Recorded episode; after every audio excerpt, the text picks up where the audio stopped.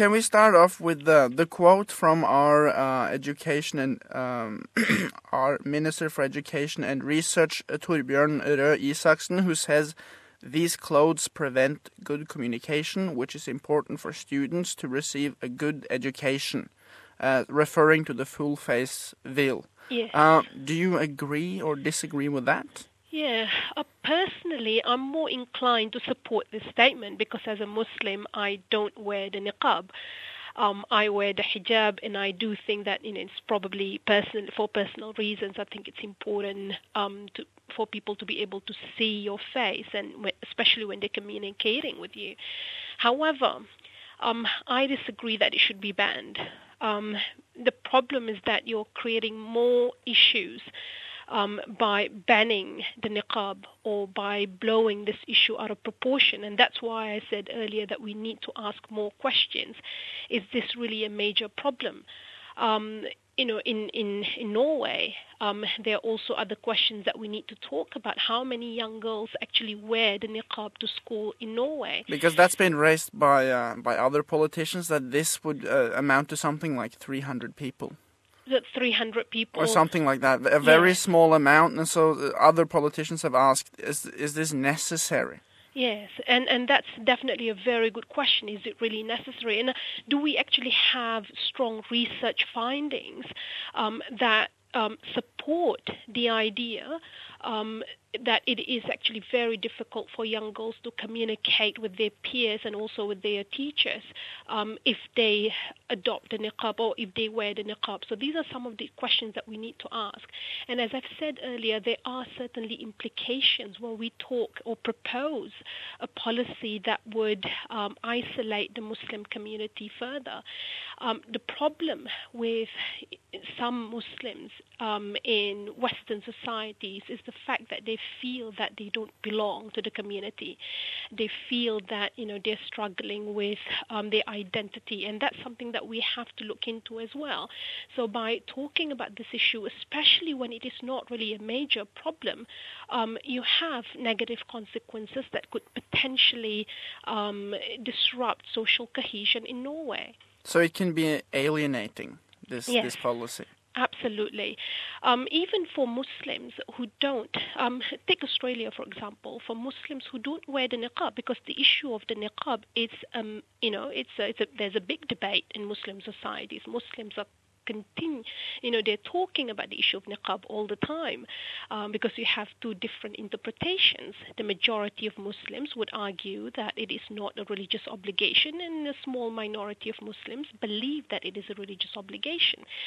But for Muslims who don't believe it is a religious obligation, who don't support the niqab, um, they feel equally targeted when the issue of niqab is being raised and being blown out of proportion because it becomes a problem with Islam in general, not just um, those who wear the niqab. So I think um, we do have to be, you know, careful, especially if we want to tackle um, the issue of social cohesion and promote social cohesion, and also deal with radicalization. And I think that's very important. Um, so how do you then feel about the uh, full face veil ban in Austria, in Belgium, and plans of doing it nationwide in Germany? Uh, do you think this will alienate Muslims? you're obviously right. It will definitely put a lot of pressure on Muslim communities because they feel that you know they're being targeted, and the issue of niqab is certainly used to highlight you know problems that the West perceives with Islam. Um, so definitely, I think you know it is it is going to um, push the Muslim Muslims further. The problem is not so much with those who are able to handle this. Um, there are the number, the overwhelming majority of Muslims are able to handle this issue, and to them, you know, it is frustrating, but they're trying to work within the system. But you also have to think about those who are struggling within Muslim, you know, Muslim societies, and it is about reaching out to them and making sure that they feel that they're part of the community, because in the long term, that is going to ensure um, safety for everyone, but also making sure that Muslims, you know, integrate and w- within Western societies. Um, I, I think that's uh, very interesting, and I, I re- think that there's a counter argument that, Mm-hmm. has been put forward by, for example, Hungary. And this Mm-hmm. is something uh, an advisor of Hungary's government told me when I interviewed him. Mm-hmm. And he said that um, um, policies like, for example, banning full face veil Mm-hmm. is part of um, the strategy for the political establishment to avoid the xenophobic parties, the fringe parties, the maybe far right parties from gaining power. And he was saying this at a time where these parties were gaining power in, in you know, in France with Le Pen, Poland, uh, Hungary already uh, very anti-migration, even Sweden. And so he said, um, um, you know, without certain policies like these, the political establishment will lose out to these anti-migration parties. What would you say to to him if he I said that think, to you? No, I think that's a very good point that he's making. Um, it is, you know, perhaps for mainstream parties um, to adopt uh, a policy such as banning the niqab and all that would actually um, appeal to um, the majority of people living in their countries. My concern with that is that what are we dealing with? If we're talking about radicalization as a problem, I think we're not solving the problem. Because when we talk about radicalization of young Muslims, because that's actually the main problem that they are identifying. So, you know, it's about protecting uh, citizens, it's about um, ensuring social cohesion, it's about, um, you know, uh, promoting security and so on and so forth. So by banning the niqab and highlighting problems, um, I'm, I'm not saying that we don't have any issues. I mean, there are problems in some parts of the Muslim world, and we have to talk about that. But that is something that we can deal with. But the issue is that when we initiate policies um, that appeal to um, populist um, movements, um, we're not actually solving the main problem that we're dealing with, and that is, you know, radicalization. And I think that's something that we have to be very careful about. I think, you know, this is more in the long term. We're not talking about short-term policies. We're talking about long-term policies. I think anywhere in the world, when we are inclusive, when we promote solidarity with, you know, those who feel disenfranchised, what you're going to do is that you're going to only build a strong and a resilient community.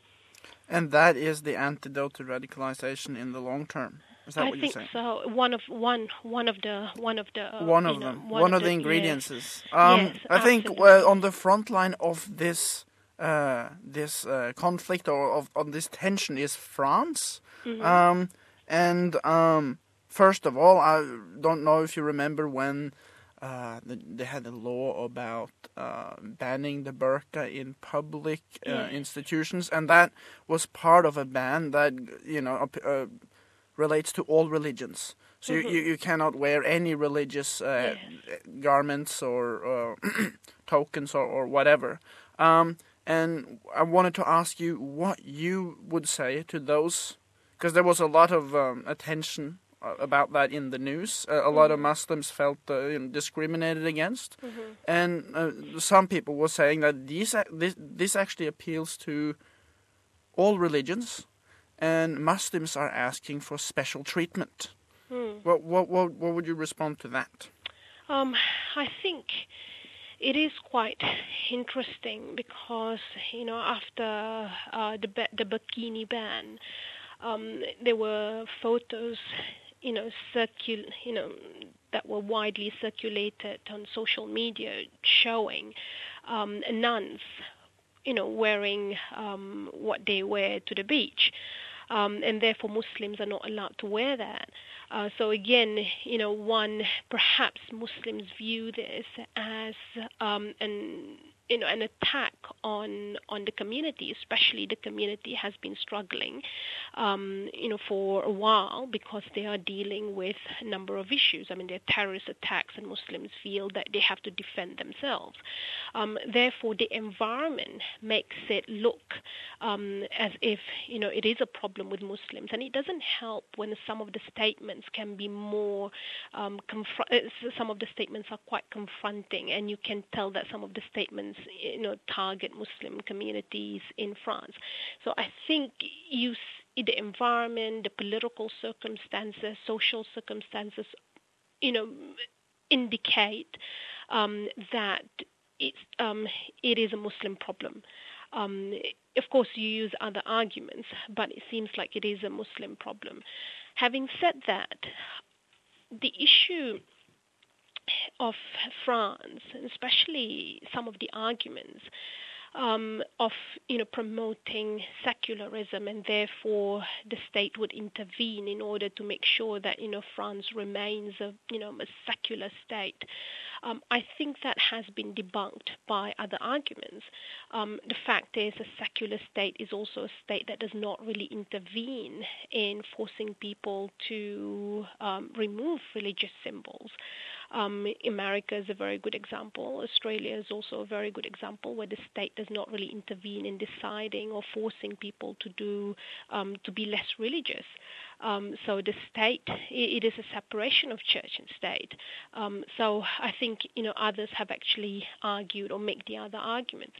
I think another problem, the issue of the niqab or uh, you know the issue of the niqab or the burqa or the hijab, and let us look at the niqab. Um, there's so many problems with it that people have identified. Um, and the problems, I think, are unfounded, you know, at least the ones that have been talked about. One, it poses a security threat um, because women who covers they, you know, f- um, those who are you know, um, they can't be identified. Yeah, who can't be identified. It is a major problem um, for security reasons, and yet we don't really have a good, um, res- you know, you know, research to indicate that it is actually a security threat. The second argument that many have actually articulated is that it is seen as a symbol of oppression. It oppresses women uh, women, you know, who can't be identified. You don't know what's happening at home. Uh, they're probably forced by their family members, by male relatives who are oppressive and abusive. And let's say we take that argument as true. Maybe you know, you have 10 women who wear the niqab and five of them are oppressed and forced to wear the niqab. The problem with that is it the niqab that's causing um, you know, or leading these women to be oppressed. The problem is not the niqab. The problem is actually living with oppressive male relatives living with people who are abusive, and we know when it comes to you know domestic abuse and other issues like that, obviously you have people who would impose on women and you know oppress women. But wouldn't, for example, the burqa the niqab, for example, be an obstacle to identifying domestic violence? For example, you you can't see any bruises or yes. anything, for example. Abs- uh, absolutely, but again, the issue is not with the clothing itself. The issue is actually living with male relatives, and it's about you know helping these women. What we're doing is that we're further isolating these women because we think that these women um, you know, they're, they're, seen as the problem. They're not seen as victims. That's the issue. Most of the time, when we target the niqab, when we impose fines and all that, it is it is these women who are seen as the victims. And I think it's you know, it's important not to isolate them. But let's say the other five women who choose to wear the niqab because they believe it's a religious obligation, because, you know, for whatever reasons, you know, they've interpreted Islam that way and they say it is a religious obligation. What are, you know, we are also infringing um, on their rights to actually practice Islam the way they want to, and especially when we talk about you know, um, a, you know a secular state that does not really intervene in people's religious affairs. So I think the issue, the idea is that we are isolating the very you know the, the people that we are actually trying to help. If let's say that argument stands, I think one reason to attack the niqab, for example, is that you can score some political points with voters as well. It seems to me like there there are incentives there for a politician to to make policies like this. Absolutely, um, I agree with you, and that's what my my issue with that um, is is the fact that sometimes we we think that some policies are not you know are not problematic, but in the long term it can cause more problems and actually solve um, our problems. Uh, so for me, that's that's something that we have to think about. So we think, oh yeah, it's just the niqab. There are not many women who wear the niqab um, anyway. So we don't want you know extremists to actually come to power. We're going to initiate that. We can get people to support us. But what are we doing actually? Are we empowering these ideas um, so that you know we can make short-term political gains? Um, there are consequences. And we have to think of the long term and therefore creating a secure, safe society, a society that's built on trust and also on national unity uh, is more important than scoring short term political gains overall, uh, how is Norway doing in this regard, creating this society built on trust? I think Norwegians uh, like to think of ourselves as quite progressive when it comes to migration and Islamophobia, but it's always interesting to hear uh, someone, uh, an outsider with a different uh, perspective. What, what, what is Norway's reputation when it comes to, to these issues? Fortunately, Norway has a very good reputation. So um, we like to hear that. yes, I think it has a good reputation. I think you know um, Muslims talk about Norway, at least you know Muslims that I know, and you know based on a little bit of research, because I don't work on Mus- um, you know Muslims in Western societies as much as I work on Muslims in Muslim societies.